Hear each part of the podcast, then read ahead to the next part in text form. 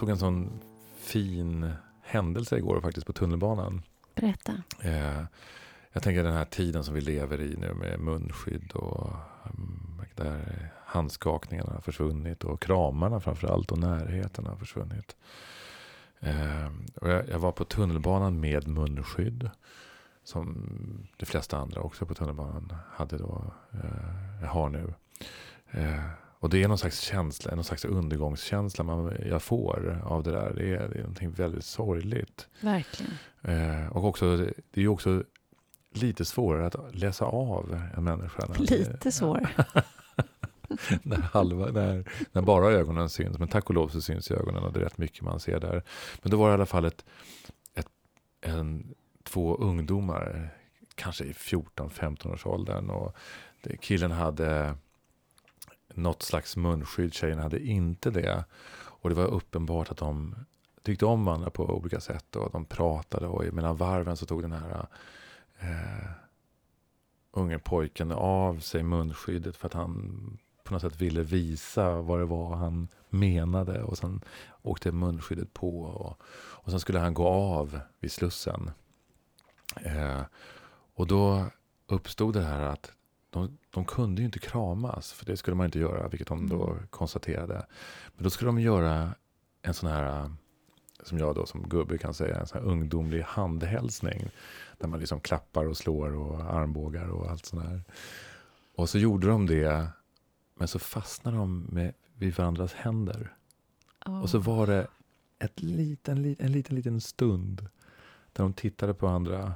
Och det var, och det var så himla vackert och jag blev så otroligt berörd. Mm. Och hon log med hela sin kropp. Mm. Och han också på något sätt och drog upp masken och så gick han av. Och han, jag, jag tittade efter om han skulle vända sig men det vågar han nog inte. Nej, jag, jag tänker när man inte får röra varandra alls och så får man röra lite, lite grann. Oh. Lite med handen. Oh. Det måste ha känts jättemycket. Ja, det måste ha gjort det. Mm. Det var så otroligt vackert. Ja. ja. Och hur mycket avsaknad det är nu i den här tiden. Och, oh. För det här är ju viktigt. Det är så otroligt viktigt med eh, beröring. Ja, oxytocin. Ja, mm. vi behöver ju det. Mm. Det är väl därför alla skaffar hund nu. Ja, jag också. Fast det är underbart faktiskt. Ja. Mm. Närhet är väl helt fantastiskt. Jag hade en erfarenhet av en väldigt märklig närhet. Det här är ett antal år sedan. Och eh, jag skulle springa från jobbet och, och hinna med en buss.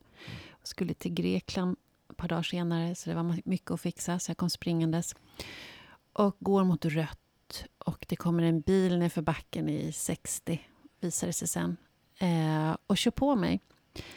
Eh, och... Eh, Verkligen kör på? på? Ja, mot knäna. Oh. Och jag flyger, jag får sån fart. Så att jag slår liksom kullerbytta, landar på huvudet på hans tak och så rullar jag ner på andra sidan och rullar ner på ja, marken. Och det var fyrfiligt, så det är väldigt mycket bilar. Två filer på ena sidan, två filer på andra sidan. Eh, men alla bilar stannar ju såklart, ja. för de ser ju det här. Eh, och jag rullar runt och jag ska resa mig upp. Det är det enda jag tänker. Jag ska resa mig upp. Och marken är liksom himlen och himlen är marken. Så det är någonting som har snurrat till där i huvudet. Ja, ja. Och då öppnar sig en bildörr på andra sidan. Alltså trafiken som går mot andra hållet. Ja. Och en man kommer springandes. Och så trycker han ner mig på asfalten och så lägger han sig raklång bredvid mig och håller om mig eh, längs axlarna. Och så viskar han bara i mitt öra, det här kommer gå bra. Det kommer gå bra. Va? Ja. Och så säger han, jag har ringt ambulans. Det kommer gå bra. Han höll om dig? Ja. Och så låg han där. Och den första reaktionen hos mig, det var ju inte, vad mysigt. Utan det var, vad fan gör du? ja. Jag blev arg. Men jag kunde ju varken prata eller röra mig. Så att jag kunde inte uttrycka det på något sätt, utan jag var ju där i någon slags chock. Eh, men allt eftersom han bara tog om det om och om igen. Det kommer gå bra. Jag har ringt en ambulans. Jag kommer kontakta dina anhöriga. Hela tiden höll han. Höll i, höll i. Hans kropp mot min kropp, liksom. Oh. Wow. Och, efter ett tag så blev det ju en härlig känsla. Och sen kom ambulansen och allting gick bra, ingenting var brutet. Det var bara blåmärken och skrapsår över hela kroppen. Otroligt. eh, Och hjärnskakning. Eh, Men han kom upp sen på sjukhuset. Ja. Och så berättade han vem han var, att han var läkare och att han, det här var ett sätt att behandla chock. Och att det viktigaste när en kropp hamnar i chock, det är närheten. Åh. Visst är det vackert? Ja, det, är, det är en helt otrolig historia. Ja, det var en ängel. Ja, det, var, jag. det var en ängel. Ja, Det var definitivt en ängel. ja, Wow. ja. Tänk att de finns, att de bara är där. Också vilket, vilket mod och en, vilket, vilken närvaro. Närvaro Varo. framför allt, tänker jag. Ja, men också att våga, att våga göra en sån sak. Ja. Att lägga sig bredvid någon som har blivit påkörd och hålla om. Ja. Och, Och bara ligga kvar. Och bara ligger där på mitt och på prata gatan. lugnt till dig. Ja. Och när du säger så här så dels så är det en otroligt vacker bild. Mm. Men det känns ju i kroppen att det känns ju helt rätt. ja, Det känns ju helt rätt. Ja, och jag funderar, har funderat mycket på min omedelbara reaktion. Istället för bara åka med där och bara ta emot den här kroppens värme och, och närvaro Ja. och bara få vara där. Att min första reaktion var att stöta bort och Ja. ilska. Liksom. Vad, vad, vad beror det på då? Jag har ingen aning. Nej. Ja, jag vet faktiskt inte. Men det, det är ju inte bra, tänker jag. Det är ju inte en tillit Nej, just det. till det som är och det som sker. Nej. Utan det är snarare tvärtom, en bristande tillit. En bristande tillit som du kanske har lärt dig av erfarenhet. Ja, kanske. Ja. Mm. ja. Men det brydde sig inte han om. Det är jag ju Nej. tacksam för. Ja, det förstår jag. Alltså vilken otrolig historia. Ja. Den är ot- wow. Ja, ja, den är vacker. ja, Men du, vi ska träffa en eh, man idag. ja. Anders Kompass. Mm. Det är lite grann av en hjälte faktiskt. Får man säga så? Det, det tycker jag verkligen. alltså, han är, måste väl vara Sveriges mest kända visselblåsare. Ja, precis. En slags ofrivillig visselblåsare. Verkligen. Ja, för det, det, han pekar ju egentligen på någonting som var en orättvisa, ett övergrepp. Exakt. Eh, och så blev han uthängd eller Han blev en visselblåsare som Ja. inte alls var tänkt att vara en Ja. visselblåsare. Mm. En man som har jobbat i FN i Ja. större delen av sitt liv på en mängd olika befattningar. just det. Och eh, blev ju sen, blev ju sen en, en, då en stor sak när han blev avsatt från sin tjänst. Men sen, sen, senare då blev han ju... Det blev ju han blev ju... Eh, vad heter det? Frikänd kallas det för. Mm, mm. Och sen blev han ambassadör efter det Mm. ett antal år. Och nu är han I, eh, tillbaka i Sverige. Ja, just det. Precis. I Skåne I faktiskt. Skåne sitter han. Ja. Och vi träffar honom på länk. Vi träffar honom på länk. Ja. Det ska bli intressant. Mm. Det är annorlunda apropå det här med närhet och Mm. vad det, det här med att vi möter vissa gäster, gäster eh, på länk på det här Mm. sättet. Det är Vad, ju vad gör det med dig, Ruben? eh, en större försiktighet. Mm. Eh, Jag måste vara mer noggrann och försöka läsa av på ett annat sätt Mm. än när man har personen i samma rum. Mm. Det det är ju någonting som sker där. Och sen måste jag ändå tillägga, tack och lov, att vi har de här äh, möjligheterna Mm. att koppla upp oss på det här sättet och möta varandra. Mm. Verkligen. Det är också faktiskt, eh, även fast vi nu är coronatrötta och har haft väldigt mycket sådana här möten Mm. på länk. Men det, det, det är ändå fantastiskt. Mm. Men det är speciellt. Det är speciellt. Ja. Och lite speciellt är det också med tekniken. För man sitter ju ändå, eller jag blir lite nervös. Vi Ja, har ja. haft lite problem när vi har jobbat med länk. Att ljudet det. inte blir så bra och så. Så det li- blir lite fokus på tekniken också. Men eh, jag ser jättemycket fram emot mötet. Det gör jag också.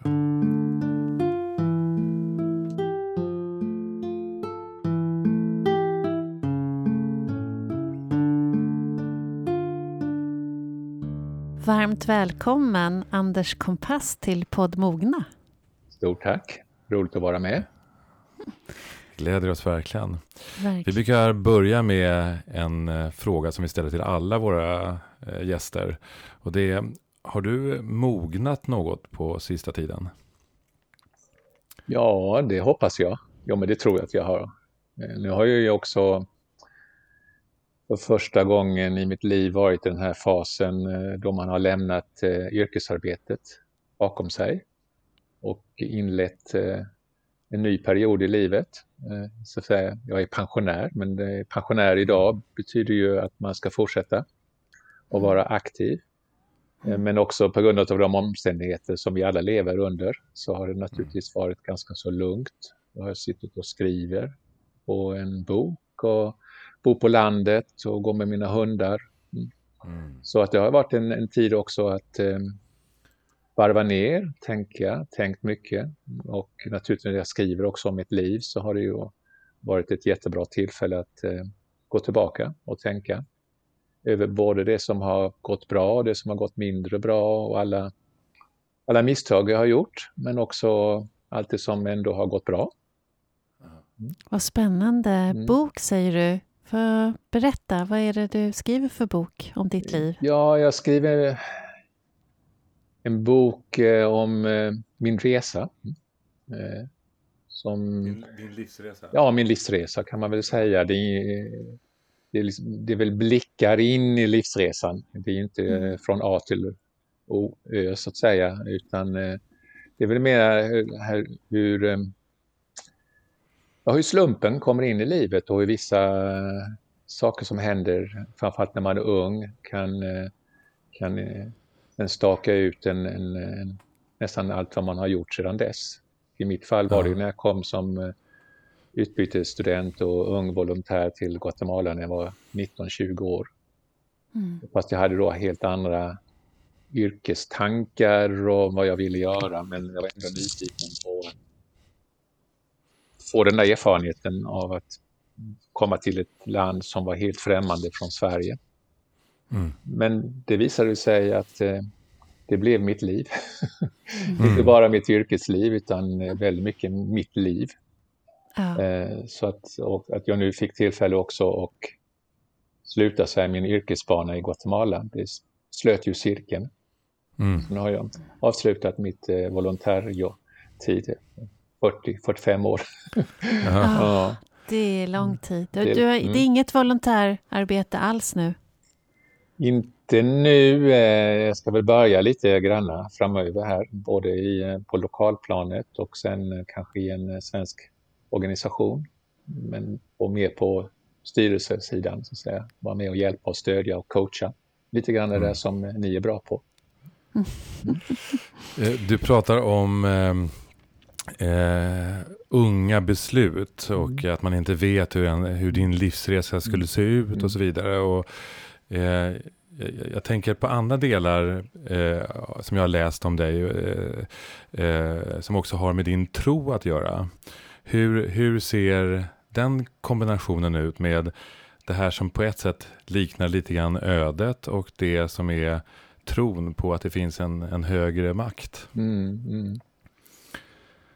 Ja, jo, jag, jag, jag skriver lite grann om det där för att eh, vill man så att säga lägga ett, vill man använda ett annat språkbruk eh, till ödet eller, eller um, sen någon, ja, när någonting bara händer som, som gör att man, man ens liv, ett, ett liv blir på något sätt eh, eh, beroende av det, så kan man ju kalla det då för en slags kallelse. Och det är klart att eh, de första åren när jag då fortsatte, eh, när jag kom tillbaka till Sverige, började plugga i Uppsala, så kände jag en blandning av kallelse när jag då tänkte på det utifrån min, min, min trosövertygelse. Men mera kanske också som ett ansvar att fortsätta engagera mig kring Centralamerika eftersom situationen där var så fruktansvärd vad gällde väpnade konflikter och allvarliga brott mot mänskliga rättigheter och inte, mot, mot, inte minst i Guatemala mot indianbefolkningen som jag hade bott då i en indianby. Så jag kände också det där ansvaret och det var ju väldigt lite i, information i Sverige och överhuvudtaget i världen vad som hände. Eh, och, det, och, och, att jag sen då efter, i stort sett avbröt mina studier. Jag gick inte sista året på lärarhögskolan. Det var det jag ville bli. Eh, så åkte jag tillbaka till Centralamerika för en, en svensk frivilligorganisation, Diakonia, och öppnade upp deras humanitära arbete. Det kände jag också då att ja, men jag måste göra detta eh, lite grann utifrån det här kallet. Men också naturligtvis en slags ansvar att, och, en, och en möjlighet att jag fick göra det. Men mm. hela tiden att ja, men jag gör detta, jag är fortfarande ung, jag kan skjuta upp, jag kan ändå bara uh, jobba som lärare under många år. Egentligen ville jag ju bli folkhögskollärare eftersom jag tyckte väldigt mycket om den, den formen också. Jag är väldigt intresserad av pedagogik och undervisning. Eh, och även när jag sen började på UD och kom till ambassaden i Mexiko med ansvar för Centralamerika, humanitärt arbete, fredsprocesserna och fredsansträngningarna, så var det lite grann också ännu så, kanske då började jag lite grann ljuga för mig själv, att ja, men jag gör det här och så åker jag tillbaka sen till Sverige. Men sen så, men, så jag levde lite grann av det där, att, kanske för att rädslan att helt släppa. Mm. mm. Men också vill ha kvar en, en, en tillhörighet i Sverige. Eh, ha ett eget, ha så att säga ett liv också i Sverige och kunna bygga upp någonting i Sverige. Det här som ändå betyder väldigt mycket. Som man saknar sen när man jobbar internationellt, att man, man saknar den där, när, den där närheten av att mm. ha ett, en samhörighet med människor som, som man har känt och umgås med länge. Och, och mm. få sina barn att växa upp i en, i en miljö med, som är trygg och, och, och kan känna sig grundad.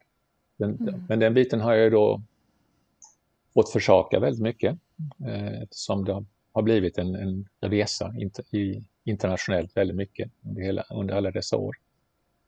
Så därför känns det väldigt skönt och roligt att nu vara tillbaka i Sverige och bo på landet i en liten by.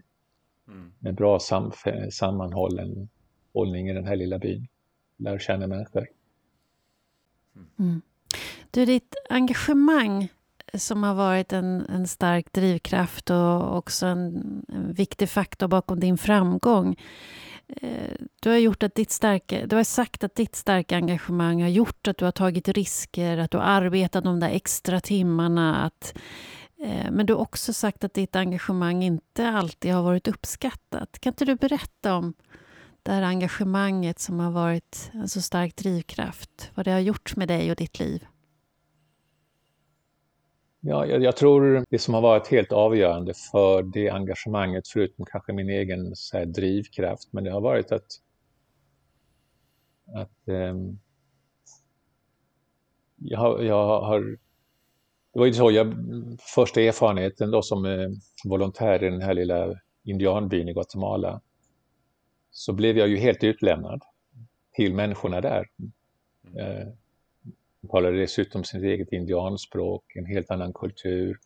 Och jag var den enda, så att säga, personen utifrån. Och för dem spelade det ingen roll om var jag kom ifrån. Det viktigaste för dem var att jag kom nog helt någon annanstans och hade valt att bo i den här lilla byn och de tog emot mig. Mm. Eh, och det har, den, den erfarenheten har, har hjälpt mig jättemycket för det har gjort att jag har alltid sökt, sökt kontakt med människor. Inte, och inte bara de människor som man direkt var tvungen att jobba med så att säga om man mötte i sitt arbete utan också rädda hela tiden cirkeln av, av nya människor. Och det är ju det som varit också naturligtvis stora förmånen när jag jobbat både som svensk diplomat och för FN att man, som jag sagt också många gånger, man, man kunde i stort sett träffa vem man ville. Alla dörrar öppnades. Inte för den man var utan för vad man representerade. Men i de mötena så var man, var man ju jag. Vad gjorde och, och, och de, det, det är spänningsfältet när man möter en ny människa och oftast det, i, de, i de miljöerna då som jag har arbetat så har det ju varit väldigt polariserade, konfliktfyllda situationer med fruktansvärda händelser. Så att, eh, i, i stort sett alla människor man har mött har på något sätt varit berörd av den polariserade situationen, av konflikten, av, av väpnat våld, död. Eh, antingen att som offer, som då har, har, har, har mött mig med, den, med, den, med, med, den, med, med, det, med det budskapet. Eller de som på andra, på andra sidan kanske då har varit direkt ansvariga på ett eller annat sätt för det som har pågått och som också har, har um, varit väldigt så säga, uppfyllda och spända eh, när de då träffade mig och varför de öppnade upp dörren och ville tala med mig. Och i de där, i de där mötena som, jag har, som har varit så otroligt spännande och viktiga att, och som har också lärt mig jättemycket, tror jag att, eh, att det är i de mötena som man kan verkligen eh, försöka, försöka få en kontakt och försöka få ett samtal som människa. Oberoende av vad man representerar, oberoende av vad de representerar. Mm. Och det är de många av de där eh, historierna, mötena som jag skriver om.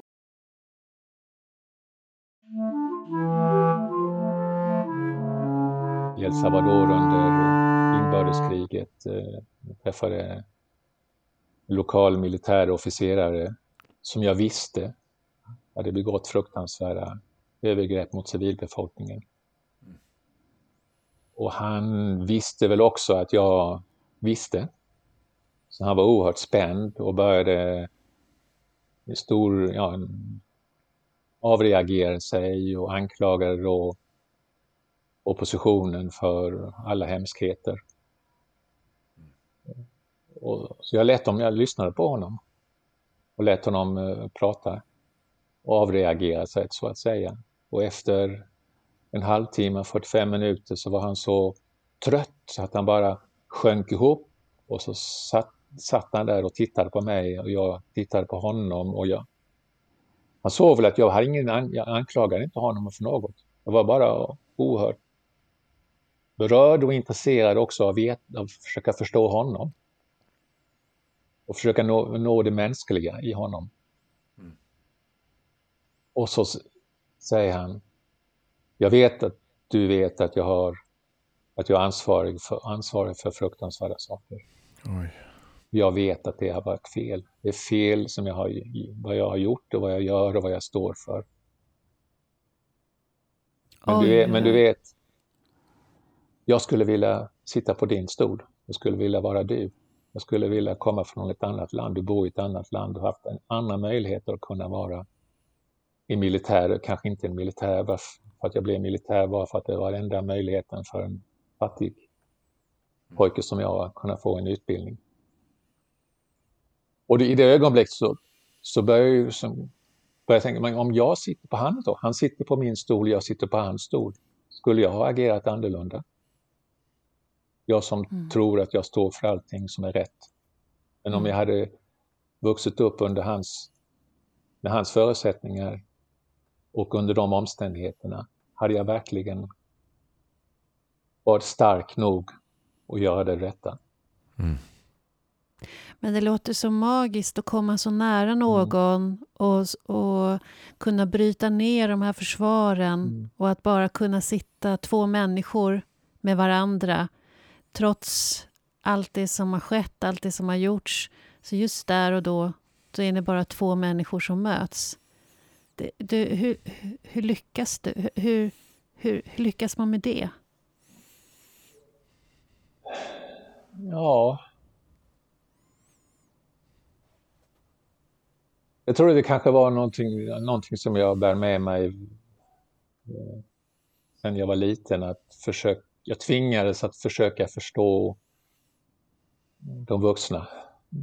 Vuxna som hade enorma problem. Mm. Eh, eh, olyckliga så mm, förmodligen var det någonting som jag redan tidigt lärde mig att försöka, ja, försöka brottas med. Mm, mm, mm. Även om jag inte hade några svar. Men, och sen då eh, under den här resans gång och, och när jag haft de här erfarenheterna så så tror jag att det, lite det här spänningsfältet som, som, som jag uppfattar som är otroligt aktuellt fortfarande, som, vi, som, vi, som väldigt mycket dagens diskussion handlar om, inte bara här utan i världen, vad vi har sett och den, det som vi talar om idag med ökade polariseringen. Mm. Att, eh, om man, är, om man är så att säga övertygad och trygg i sina värderingar, vad man tror på. Mm. Det, bety, det, behöver inte nödvändigtvis och bör inte nödvändigtvis innebära att man inte kan vara väldigt flexibel och öppen i sitt sätt att agera. Och att man kan också ändra uppfattningar, ändra positioner utan för den skull vara rädd att man överger sina värderingar. Att ha, den där, ha, sagt, ha en klar, klar eh, ha, en, ha en trygghet i att det, där två, det, kan, det är två helt olika saker. Mm. Och, men, men, hur gör man hur, gör man när, när, man sitter med en man som, mm. som gör ett sånt här erkännande som mm. mm. den här mannen gjorde? Hur, hur, hur går man vidare från det? När någon eh, har erkänt så att säga att, ja. att han har gjort, begått förskräckliga övergrepp var det ja. Nej, jag, jag, vårt samtal slutade, det var sent på kvällen och eh, jag visste ju också att jag var tvungen att ta mig därifrån innan det blev eh, allt för osäkert att komma därifrån. Det här var ju alltså mm. under, under konflikten och eh, det var utegångsförbud. Och så jag hade jag visste att jag kunde inte, jag kunde inte sitta där och, och kände att jag inte kunde inte ta hand om honom. Nej. Men vad jag sa till honom var att jag tackade honom för att han var öppen och att, vi, att, och att utbytet hade varit oerhört viktigt för mig. Men samtidigt sa jag, det viktiga är också att du själv har sagt att detta är fel. Och, det på no, och, och, och, det, och, att någon, och att du har gjort hemska saker och att du därmed är ansvarig för det. Det är också viktigt. Mm. Och eh, jag hoppas att någon gång i framtiden du ska kunna vara, du ska få möjlighet att vara modig att kunna bekänna. Och sen är det upp till eh, ja, landet, befolkningen och inte minst de som har varit eh, offer för dina gärningar att eh, också få säga sitt. Va? Du, och i de här processerna, om de nu slutar någon gång, eh, förhoppningsvis eh, med någon form av förhandlingslösning, politisk lösning. Och i Salvador i det fall var det första gången som det tillskapades en sanningskommission som eh, skrev en rapport. Som jag var med. Då jobbade jag för FN i början på 90-talet. Och vi kan ju också se det nu i, i Colombia, där jag, jag var ju jag arbetade för mänskliga rättigheter. Det var ju första gången jag verkligen arbetade så här, för mänskliga rättigheter och FN i Colombia i slutet på 90-talet, början på 2000-talet. Och det var i stort sett under de tre och tre och ett halvt åren, det var att dokumentera massakrer, masskidnappningar, övergrepp och försöka både förmå staten, regeringen, armén att ta större ansvar, gå, vara i dialog med grillan och få dem att förstå att de hade ett ansvar för vad de gjorde. Och vi dokumenterade och och intervjuade offer. Och sen nu när 2016 det blev ett fredsavtal, så under de här åren som sedan dess, så är det en sanningskommission som arbetar. Och det är, helt, det är också Ja, det, är både, det, det, är både fantastiskt och jag har gråtit mycket när jag läser om det och, och hör vittnesmålen. Där ändå de tidigare ledarna från grillan och även nu paramilitären som var väldigt mycket i maskopi med armén och de styrande i landet. Där de nu kommer fram och erkänner sina brott. Och, väl, och många av de här övergreppen som vi dokumenterade, som finns skrivet och berättelserna finns och de möter eh, offren, överlevandena och ber om förlåtelse. Mm. Eh, som också är en, en, en, en del av för att de ska kunna slippa allt, långa eh, fängelsestraff. Så det är en del av fredsavtalet. Så, så det är oerhört svårt, oerhört smärtsamt mm. och kontroversiellt också eftersom det fortfarande är djupa sår i, i, i landet och används också politiskt på olika sätt. Men i de, återigen de här mötena när, mm. när, som är så otroligt eh, mäktiga och eh, man blir bara full av ja, ödmjuk, man, man blir ödmjuk inför både vad vi människor eh, kan göra för att eh, förstöra och förgöra för varandra. Mm.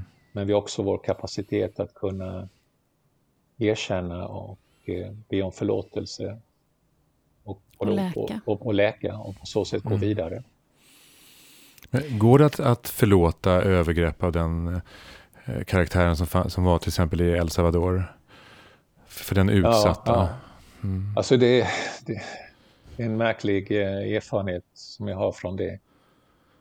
Det är som de, de fattiga människorna, lantarbetare, fattiga kvinnor som har förlorat mm. sina män och sina söner, har på något sätt lättare att förlåta mm.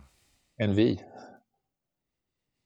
Så en, en, del av polariseringen fortfarande i de här länderna, i Salvador 25 år, 25 år efter fredsavtalet, de som har svårast att förlåta, det är över medelklassen och de rika som naturligtvis också drabbades på ett eller annat sätt. Deras eh, män kidnappades, rika affärsmän eller, eller officerare dödades. Eh, och varför är det så? Ja, kanske, eh, ja, det, jag är nästan rädd för att säga det högt, men det är väl kanske för att fattiga, utsatta människor som har på något sätt, ja, de, de, de, har, ett, de har en, annan, en annan inställning till livet. Och, ehm, och jag ska inte säga att de är inte fatalistiska, men de har också, i, i, både i Colombia och El Salvador har jag sett här, de är också man också, man också har en tro. Mm. Och för dem, även om det är en fruktansvärd sorg, så, vi, så har de ändå en tillit till att både till att det är en rättvisa och att eh, de som har drabbats på något sätt eh, lever vidare. Mina, mina första erfarenheter också när man då, eh, redan i Guatemala, när man frågar en familj, en, man eller en kvinna hur många barn de har. Kanske de säger ja, tio barn eller elva barn. Och så ser man runt om de kanske fyra, fem. Och så, jaha, de andra är stora. Nej, de, nej, de andra är döda. Mm. Men man säger fortfarande att man har tio barn. Mm. Och det är inte riktigt vad vi gör i väst, vad vi är vana vid. Mm. Det är väldigt vackert. Ja, jag tycker det. Det är väldigt vackert. Mm. Kan man säga att ett förlåtande också kan vara pragmatiskt? Jag tänker för dig som, som eh, medlare att eh, det finns något pragmatiskt i att förlåta även om det inte kommer från hjärtat. Ja, eh, jag tror att det, när, i de här processerna att ett förlåtande det kommer efter ett erkännande. Mm. Ett klargörande. Det här var vad som hände, för också när det pågår så är mörkläggningen förnekandet. Det var ju så de här, eh, den, här, den här översten som erkände till mig, mm. men efter att 30-45 minuter har förnekat allt och skyllt allt på den andra sidan. Sen så erkände han, inte allt, men han erkände liksom i globala termer att han också naturligtvis hade gjort och, var, och, och jag såg hur berörd han var utav det. Men annars eh, är ju förnekandet, och, eller man skyller ifrån sig under omständigheterna, man skyller på kommunister, terrorister, beroende lite på vilken historisk epok vi lever i, vad som, vilka språkbruk man använder. Eh, och så, det var ju så i till exempel Colombia, det var ju förnekande från båda sidor, trots att allting hände. Mm. mm. Eh, men när i, men när i, en, i en försoningsprocess så är det, och erfarenheten är att ett klargörande, vad, det här var vad som hände och det är så oerhört viktigt för offren, offrens familjer att få bekräftat. Min, min son eller min dotter rövades bort. Min, det här var vad, vad som hände med dem. Och sen eh, att det sker någon form av, ja, att den sanningen kommer fram. Och sen beroende på naturligtvis ett, ett, ja, ett erkännande och om det kan komma ett förlåt, en förlåtande, förlåtelse. Kanske en kompensation. Men framförallt ett, ett löfte om att det här ska aldrig mera inträffa. Mm. Mm. Nu ska vi verkligen bygga upp någonting nytt mm. mm. där vi respekterar varandra. Mm. Du talar ju om mötet med den här mannen som att kunna sitta kvar och lyssna på honom. Att, att betydelsen av att du är så grundad i dina värderingar och din inställning och vem du är gör det, hjälper dig. Blir gynnsamt i mötet med en människa som, som har åstadkommit så mycket smärta. Jag tänker, när du själv blev utsatt. Eh, du blev ju utsatt här i, i, i Sverige blev det ju stor publicitet eh, då när du blev avstängd från din tjänst i FN och det skulle utredas om du hade begått tjänstefel, vilket du blev befriad från. Men det var ju en oerhörd utsatthet och du, eh, det var enormt mycket skriverier. Hur, hur, hur var det för dig att, om vi pratar om själva utsattheten mm. i ändå det du säger då, att du är så stark i din värdering, du är så stark i det som är rätt för dig och så blir så ifrågasatt. Hur var det? Mm. Nej, det var en, eh, det var en skakande eh, upplevelse. Absolut. Och det, jag skriver ju också om det. Jag var inte, jag var inte beredd på det och vad, vad jag lärde mig av det var egentligen hur lite jag visste. Jag säga, jag hade lärt mig väldigt mycket av hur andra människor eh, hanterar och upplever fruktansvärda saker. Och i jämförelse med, med det så var ju det som hände mig egentligen ingenting. Och det hjälpte mig just då också att kunna hantera det här. Jag satte, sätta det i perspektiv och mm. sätta det i perspektiv också vad jag själv hade upplevt och fått uh, vara med om vad gäller andra människor. Men jag var inte beredd på hur omskakad och ledsen och eh, ja, nästan hamnar i en depression. Ja. Och, och, och, och det tror jag har att göra väldigt mycket av att jag, även om jag visste att det här var ingen perfekt organisation, eh, långt ifrån. Men, men, men kanske jag, eftersom jag, jag har ju liksom då ändå jobbat eh, i ska säga, offentlig tjänst. En, en public servant i, i den bemärkelsen. Så för mig att att, att jobba för det allmännas bästa och jobba för organisationer, offentliga, som står för någonting som har att göra med, vår, som har att göra med de här värderingarna. Mm. Och det är klart att komma då från Sverige, detta, detta är inte perfekt, men det är ju ändå i ett, i ett, internationellt perspektiv eh, någonting liksom väldigt, väldigt starkt och väldigt, väldigt, väldigt bra. Eh, och FN också, som, som står då för, för en, ännu mera så säga, internationellt för mm. de här värderingarna. Mm. För, en, en, för rättvisa, mänskliga rättigheter, för fred, en bättre värld, en hållbarare värld. Så det är klart att jag hade ju, trots, mm, trots det, det jag ändå visste, men ehm, att det inte var perfekt, men jag ändå identifierade mig ju väldigt mycket med de här värderingarna och den här organisationen, det offentliga. Så när, när attacken sen kom från den organisationen som jag ändå kände väldigt mycket samhörighet med och som jag också hade arbetat då för under många, många år och också tagit enorma risker för. Eh, mer än, än och som jag visste som inte alla gjorde i, i den här organisationen. Allt för många stannar så att säga på inom sin comfort zone, stannar i sin bil eller på sitt kontor och möter inte de här människorna som är utsatta eller säger de här sakerna till de som är ansvariga.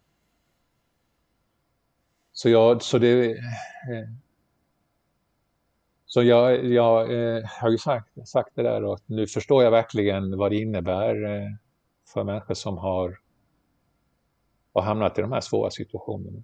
Vad det innebär att så här, vara visselblåsare. Mm. Även om jag själv inte alls tyckte att jag var en visselblåsare. Mm. Egentligen, ja. egentligen i den bemärkelsen var jag ju inte det. Men, men jag blev ju det eftersom... Du eh, blev det. Mm. Precis, jag blev det. Efter, och min, det var en BBC-journalist som sa till mig att du, jo, men du, i, den, i, den, i det ögonblicket du vägrade avgå så blev du visselblåsare. Exakt.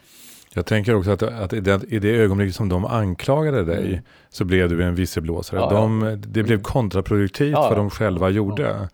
Eh, de skapade en visselblåsare i, i sin rädsla eh, för vad du hade avslöjat. Mm. Så, så skapade de en visselblåsare. Och jag varnade, jag, jag varnade faktiskt när jag fick, när jag så säga första gången då i ett möte med min närmaste chef, biträdande chefen för mänskliga rättigheter, när hon framförde det här budskapet från högsta chefen, kommissarien, att han ville att jag skulle avgå. Och jag liksom, varför då? Jo, för det här du gjorde om barnen. Och jag sa, ja, om jag avgår så, må, så måste jag ju tala om varför jag avgår. Till min familj, till mina vänner, till mina arbetskamrater. Och när jag säger att, jag, att min chef ville att jag skulle avgå, FN ville att jag skulle avgå för vad jag gjorde för att söka stoppa övergreppen mot barnen i, och pojkarna i Centralafrikanska republiken. Vad, vad, vad, tror ni, vad tror ni de kommer att tycka? Mm. Det är liksom, så att jag försökte ju få dem att förstå att det där var inte bra. Utan att ha en aning om vad som skulle hända. Mm menar jag i, aldrig i min, mina vildaste drömmar skulle jag, skulle, skulle jag i det ögonblicket ha trott, och inte ens när jag då blev avstängd från arbetet en månad senare, att det skulle bli en sån, ja, som många har sagt, kanske ett av FNs största skandaler.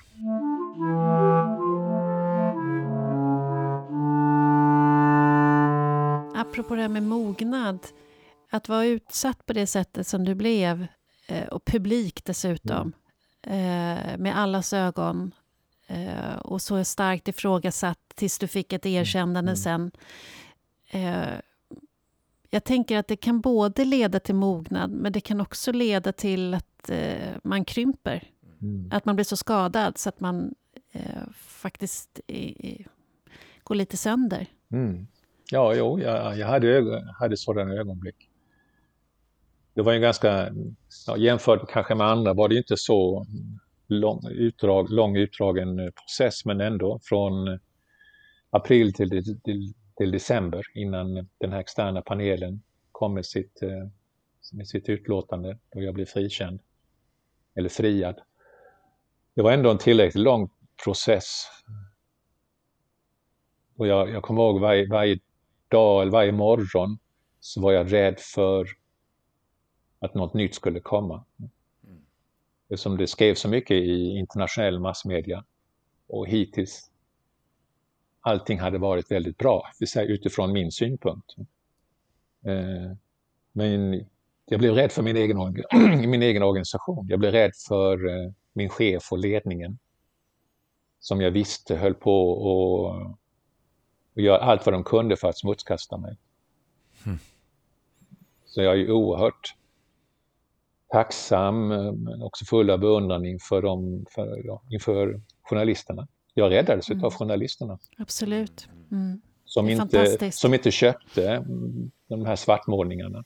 Mm. Det var ju några, så här, det, det, det, finns andra saker mot Anders. Han gjort andra saker, sådana här, så, mm. så, försöker sprida o, o, osäkerhet. Jaha, vad har Anders gjort? Är det någonting där som... Mm. Och de, och de försökte men eh, det fanns ju ingenting. Nej. Nej. Utan det är också det, någon slags, ja. Jag upplever också att det är, det är liksom, eh, det som i början av samtalet pratar om, det är en slags tillit till dig själv. Du har en, eh, som jag upplever i allting när man läser om dig och har sett vad du har, hur du har agerat. Oj, förlåt. Eh, fastnade i en sladd här. Eh, eh, att det finns en slags ja, ryggrad säger man ju. Mm. Men det finns en slags kärna som, du verkar vara med, som verkar vara medfödd. Att du har fötts med den här kärnan av Mm. någon slags tillit. Det är någonting som du faller tillbaka på ständigt och jämt i alla dina umbäranden. Som är så fascinerande tycker jag. Eh, och vackert. Ja, eh, Ja. tack, tack för det.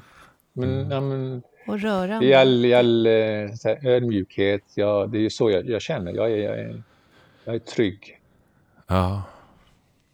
Naturligtvis samtidigt, vilket jag också gjorde under de här månaderna och, kanske fortfarande ibland, och jag skriver om det i boken också, att gå tillbaka och tänka på om jag, gjorde, jag, om jag hade kunnat gjort någonting annorlunda. Mm.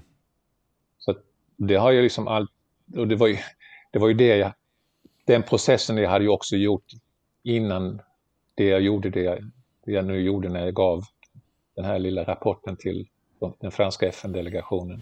Mm.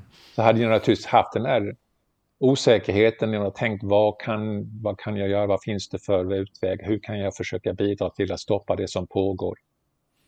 Så även om, även om jag säger, det finns en, jag tror att jag känner mig trygg, så är jag väldigt mycket osäker, Mm. om jag kan använda det ordet, vad det är som, hur jag ska göra. Vad är, vad är vägen framåt? Och, och jobba med hela tiden med olika utvägar, alternativ och gå tillbaka och, och jag tänkte nej, nej, det här var inte bra, jag kunde ha gjort det bättre eller det, den här annan vägen kanske är bättre. Och så så att det är inte, det är inte en, en trygghet som gör att man hela tiden är självsäker på att eh, Nej, så här är det, Mm, perfekt, så här måste vi göra. Men den är Nej, väl snarare tvärtom, tänker Mm. jag. Att den här ödmjukheten Mm. och att det inte finns en väg. nej precis. precis. Mm. Och det har jag också naturligtvis, jag tror att det här livet eh, och inte minst de här samtalen med människor har, har ju gjort att, ja, den här, för att gå tillbaka, översten El Salvador, att Mm. självklart så var han ansvarig för sina gärningar. Men efter det samtalet med honom och, lys- och har lyssnat på honom och lyssnat när han refererar till sin familj, sin uppväxt, sin arbetssituation och där det inte fanns egentligen några andra alternativ för honom än att göra det han gjorde för han tillhörde den kollektivet i den historiska situationen. Att det är så som, det är om jag tar, tar vad som händer i Myanmar eller Burma idag. Mm. Mm. Finns det några inom militären som, som har tveksamheter, som ser vad de håller på med? Mm. Och finns det i så fall några möjligheter för dem?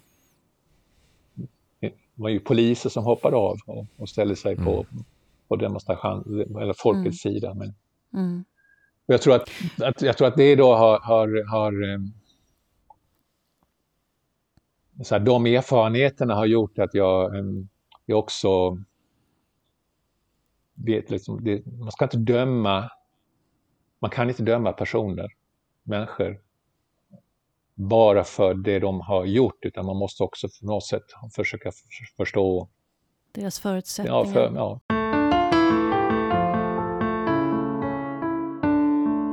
Men jag tänker att, att med all respekt för det, jag delar den uppfattningen verkligen, att, att bilden är alltid mycket större än det man ser. Eh, men du var ju också en del av en kontext, du var ju också en del av en kultur eh, som vill agera på ett visst sätt och du gick emot. Du eh, sa ju nej och stod ut att stå där med skampålen och, och få vara den dåliga, få vara den misslyckade, den som har gjort fel under de här månaderna. Men du stod kvar där. Du inrättade inte det. Så att, eh, utan att på något sätt eh, jämföra. Mm. eh, Men, men det är ju ändå någonting hos vissa människor som gör att man inte följer, utan man lyssnar inåt. Eh, och det, jag tycker det är så fascinerande hur det... Eh, för du sa också vid något tillfälle när du och jag träffades eh, att du har aldrig tillhört de tysta männen. Kommer du ihåg det? ja, ja, ja. Jag tycker det är ett väldigt... eh, Jag tycker det är, det, det är så talande. Kan inte du Mm. berätta lite vad du menar med det? Ja, det, det är väl både det, det lilla och det mellanstora och det stora. Det är så enkelt att bara vara tyst. Acceptera när någon vräker ur sig något hemskt eller gör någonting dumt. Som, som inte minst kan hända när vi pojkar kommer samman. Mm. Eh, och eh, det enklaste är ju naturligtvis att vara tyst och det är inte så att jag har alltid eh, eh, höjt min röst men jag har väl ändå försökt att eh, visa att det där kanske är någonting som vi måste tala om. Och var, eller varför säger du det? Vad menar du med det? Och, och, och kanske har lärt mig mer att, att, bara ställa frågor istället för att säga att det där är fel, jag tycker inte alls om det där och du ska inte säga sådär. Utan ställa, varför säger du så? Mm. Eh, och, och, och jag, ja, det är väl kanske, man kan ju inte förändra världen, man kan inte förändra oss män kanske, men eh, man kan ändå ställa frågan. Och, och oftast tror jag också att om man gör det där på ett eh, ja, lite nyfiket, inte dömande sätt, så hjälper man åtminstone ibland den andra personen att eh, reflektera. Mm. Kanske inte just då, men, eh, men efteråt. Är, är det inte så vi förändrar världen? Ja, ja. Ändå? Ja, men jag tror det. Och, och, Därför när jag har haft tillfälle att prata med unga människor och i skolor och så, här, så är det, det, det är mitt råd att, att när det gäller mobbning, rasism och att ja, prata om det och, och ställ frågor. Fråga den här mm. personen, fråga kamraten varför han eller hon säger det här eller varför hon gör så här. Så att de ja, får möjlighet att reflektera. Mm. Mm. Och, och mm. kanske också måste svara varför, varför de sagt, dömer en hel grupp människor för någonting. När, mm. Genom bara sitt språkbruk. Mm. Och, mm. jag, jag, tänker på folkbildaren. Jag tänker eh, det här med att du från början ville bli lärare på folkhögskola. Mm. Att det är väl verkligen folkbildaren i, i, i personan. Liksom. Den, den, eller Sokrates mm, kan man väl också mm, ta, men ja. den som ställer ja. frågor, att ja, inte ha svaren, utan att bidra till att öka förståelsen mm, kring vad det är som sker och mm. varför. Och att folkbilda genom sitt agerande. Det är ja, ja. ännu starkare på ett ja, sätt än, än vad man säger bara. Att du har ju faktiskt agerat, du har ju gjort det du har sagt också. Och det har varit roligt också eh, nu här de senaste åren efter, efter jag lämnade FN. Att få träffa FN-personal ute i fältet så att säga, som vi säger. Eh, mm. Nu senast i Centralamerika. Eh, och alla visste ju vem jag var så säga, mitt FN-förflutna och vad som, vad som hände. Men det var många som berättade att mitt, mitt fall, så att säga, min, min erfarenhet var någonting som eh, användes eh, i, i, många sammanhang. Då, inte minst yngre FN-anställda kommer samman och ska tala om, eh, om sitt arbete, om sina mm. framtidsplaner, om organisationen och, och så använder de mitt fall som något slags studieexempel. Mm. Eh, och, och, det tyckte jag var, ja, det tyckte jag var roligt att höra. Mm. Och att, att, och att eh, det, på något sätt frågan då ändå var så viktig. Inte bara mig utan själva, själva erfarenheten. Mm. Både hur handlar man, hur agerar man och hur agerar organisationen och hur agerar den enskilde. Mm. Eh, och eh, jag verkar ha fått mycket större genomslag än vad jag kanske, kanske själv då hade insett. Mm. Och även insett. Min fru som är i Chad och jobbar för FN, hon har också haft samma erfarenhet. Mm. Det kommer FN-kollegor och pratar med henne och, och, och så är du gift med Anders? Mm. Och så börjar de på en gång prata om det som hände. Mm. Hur känns det Hur känns det för dig idag? Det, det faktum att det, att det säga, fortfarande talas om det, då känns det som att, ehm, att, det är bra. Även om eh, mm. ledningen inte gör det, så är det jätteviktigt att eh, de som jobbar i organisationen, inte minst de yngre som jobbar i organisationen, talar om det och mm. reflekterar över det. Därför att jag är säker på att eh, utmaningarna fortfarande är där. Varje dag så mm. ställs eh, jättemånga inför sådana här moraliska dilemman. Mm. Mm. Och eh, kopplat till den här rädslan. Mm. Mm. Och om jag gör det här riskerar jag någonting. Mm. Vilket hämmar såklart ja. och förlamar. Ja.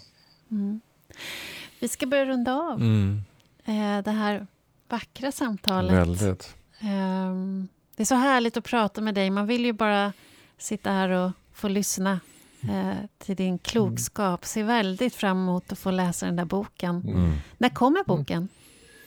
Jag vågar inte säga än, än men jag hoppas, eh, hoppas i år. Men det, ja. det, det, hänger inte mm. helt och hållet på mig. Men, mm. men det mm. finns ett stort intresse för det. Mm, verk, mm. Verkligen. Vi brukar avsluta mm. våra samtal med en fråga. Och I ditt fall, jag tänker du har ju mer än många av oss andra sett utsatthet, krig, konflikt eh, och vad det gör med människor. Vad är din bild av hur kan vi få ett samhälle, människor att mogna?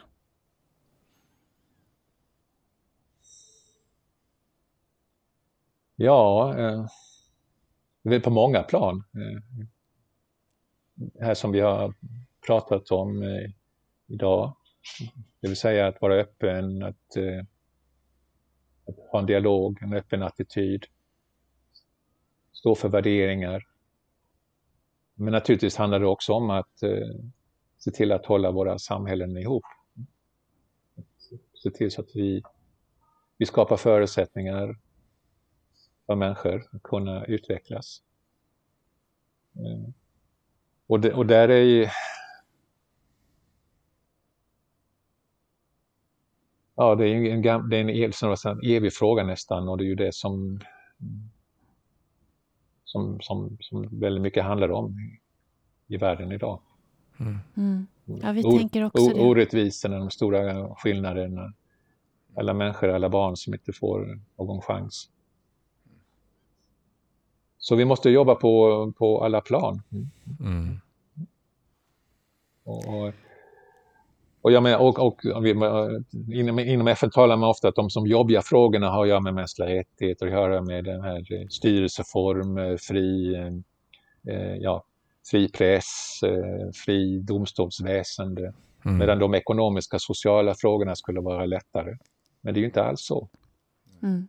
Egentligen handlar det väldigt mycket om varför det är svårt de här mjuka frågorna har ju att man fortfarande vill ha kvar den ekonomiska och sociala situationen som stänger ute jättemånga människor. Så det hänger ihop. Mm. Det gäller att vi har många bollar i luften samtidigt. Ja, ja många perspektiv. Mm. Mm, och att det handlar om lika mycket en själv som gruppen, som strukturerna och som... Mm. Ja, det... Mm. Tack Anders Kompass. Nu ser jag att du har en hund där ja, bakom också. Det här är lilla, det här är lilla Tina. Ah. Hej Tina. Hej ja. Tina. Vad fint. tack så hemskt mycket Anders. Ja, tack ska ni ha. Tack för att du kom till ja. Eh, podd Mogna. Tack, tack så hemskt mycket. Tack. Ha det så bra. Hej då.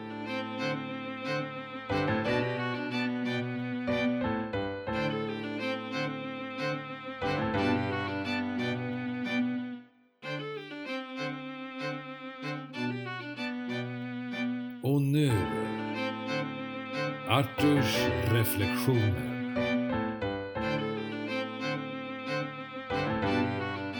Oj, vad jag lever i min bubbla. Sen corona startade, vilket är ett år sedan, så har jag dragit mig för att gå ner på stan. Bubblan består av Östermalm med allt vad det innebär. Det finns ju en hel del associationer och tankar som dras igång när någon hör den stadsdelen. Hur som helst så lever jag i min bubbla då mitt kontor också ligger där. Det är och kan vara så bekvämt att vara i bubblan. Skygglapparna åker på med automatik. Verkligheten blir en snäv verklighet, om än en verklighet. Jag är en vanemänniska. Rutiner och rytm, bekanta platser och förutsägbarhet är skönt. Det lär också vara hälsosamt. Får det inte vara så? Nej, inte riktigt. Vi ska vara nyfikna och intresserade av varandra. Det är en skyldighet att förstå hur vårt samhälle ser ut med egna ögon. Det blir tråkigt att upprepa sig själv och det gäller att ta vara på våra möjligheter och uppleva så mycket som möjligt innan vi lägger oss ner i träfracken. Jag kan känna en stress för att det borde jag också tycka. Och det gör jag också, men jag tycker fortfarande att rutiner är jätteskönt. Men det är nästan så att man inte vågar säga det. Här kommer väl det där berömda ordet som jag ofta talar med mina klienter om, balans. Det tycker jag är nyckelordet till så mycket. Att hitta sin balans. Vad passar mig? För att hitta den behöver vi experimentera. Blir det för mycket av något är det helt okej. Okay. Det är inte hela världen. Det som är bra är om vi kan känna att det blev fel. Den metodiken är väldigt användbar, från till exempel hur mycket vin jag dricker till om hur länge jag ska vara i min bubbla. Sen tänker jag en sak till. Samtalet. Sluta inte prata med dig själv och andra. Samtalet pågår inom mig om vad som är min balans och det är också dessutom ett rörligt mål.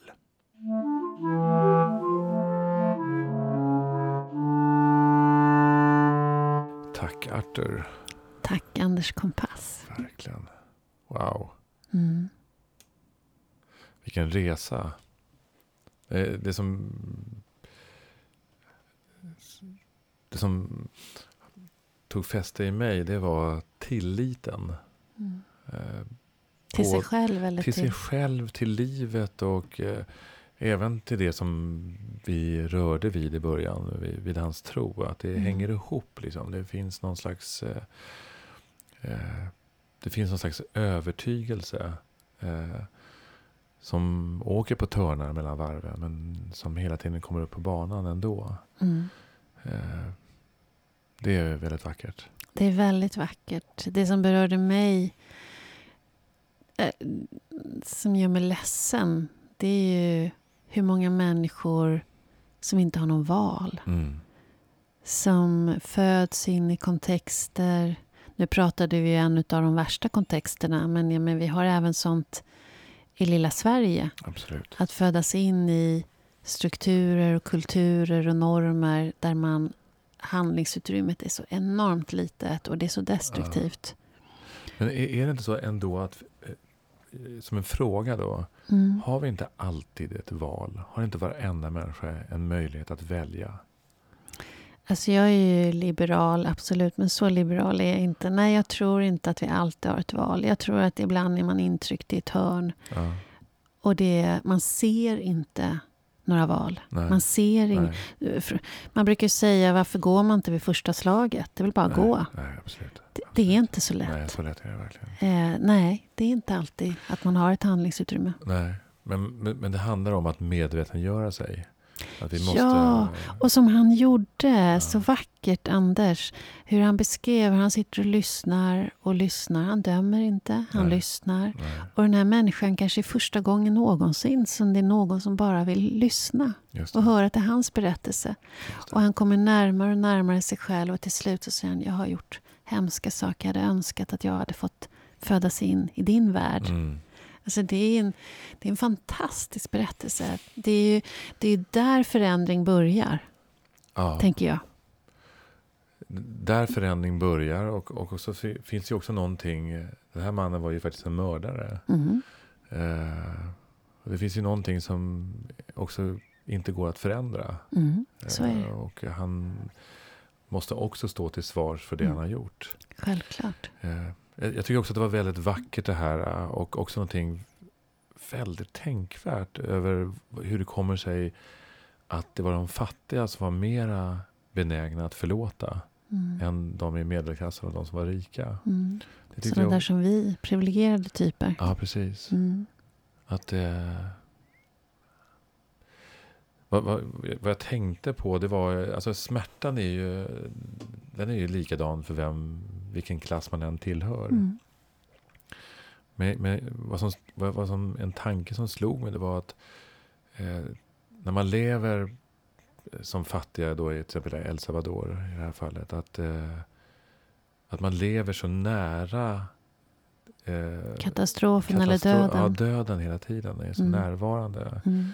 Det kan vara alltifrån att man föder ett barn till eh, de här övergreppen och eh, mordskvadronerna som for, for ut och hade ihjäl urbefolkningen.